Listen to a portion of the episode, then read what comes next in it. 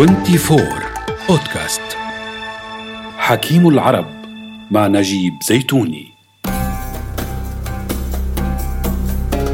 رفع مستوى المواطن والدولة ككل.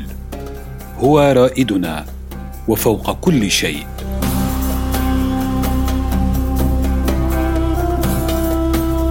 أدرك الشيخ زايد طيب الله ثراه بحكمته قيمة الإنسان كأولوية في صناعة الأوطان وكرس جهده لرفع مستوى المواطن ورفاهيته قبل كل شيء مدركا أن الإنسان هو الأساس والمواطن الصالح المثقف جزء لا يتجزأ من الهوية الإماراتية فكان استثماره بالإنسان قبل البنيان على أرض الوطن كل واحد مواطن نعم. يحس بوطنيته ويحس بالرحم ويحس بالقوم ويحس بالناس اللي من منه وإليه يفرح إذا يشوفون بنعم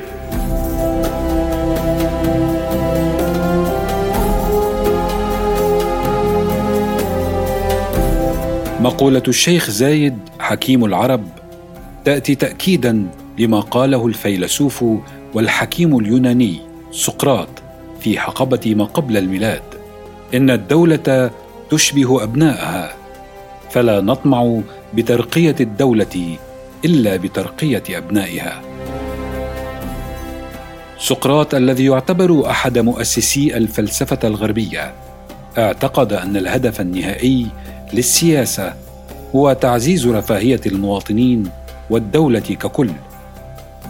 وفيما أكد سقراط أن على السياسيين الانخراط في الفحص الذاتي والتفكير النقدي لاتخاذ قرارات مستنيرة وعقلانية لصالح الدولة كانت فضيلة التسامح إحدى أبرز ما يميز شخصية الشيخ زايد فحملها في وجدانه وقدمها للناس بكل أمانة معاملا الجميع باحترام وتقدير كبيرين.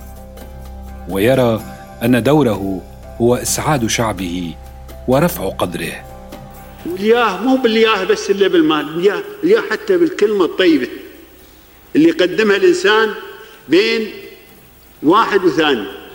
كلمة طيبة كلمة الصلح المتخالفين الإصلاح بينهم والتقرب بينهم.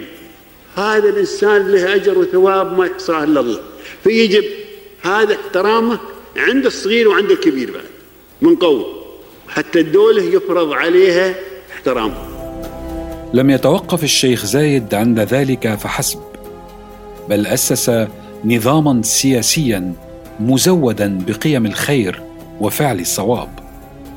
انطلق من نفسه مثالا يحتذى به من قبل كل من جالسوه وعاشروه بشكل يومي وهم أنفسهم فعلوا بالمثل في تواصلهم مع عوائلهم وعشائرهم.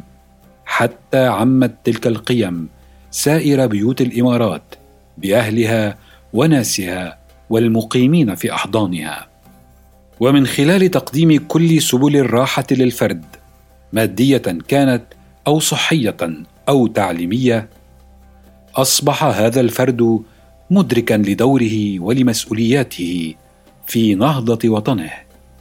عبر أسس الدولة الحديثة تحت قيادة الشيخ زايد. طيب الله ثراه.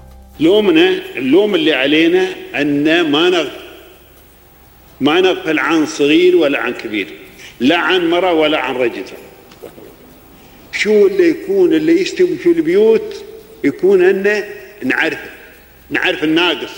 ما نعرف خصائص الناس داخليا يعني حشر نبى نعرف بس الناقص على هالبشر هذا شو اللي ينقصهم؟ وشو اللي نحن نستطيع؟ نرفع مستواهم.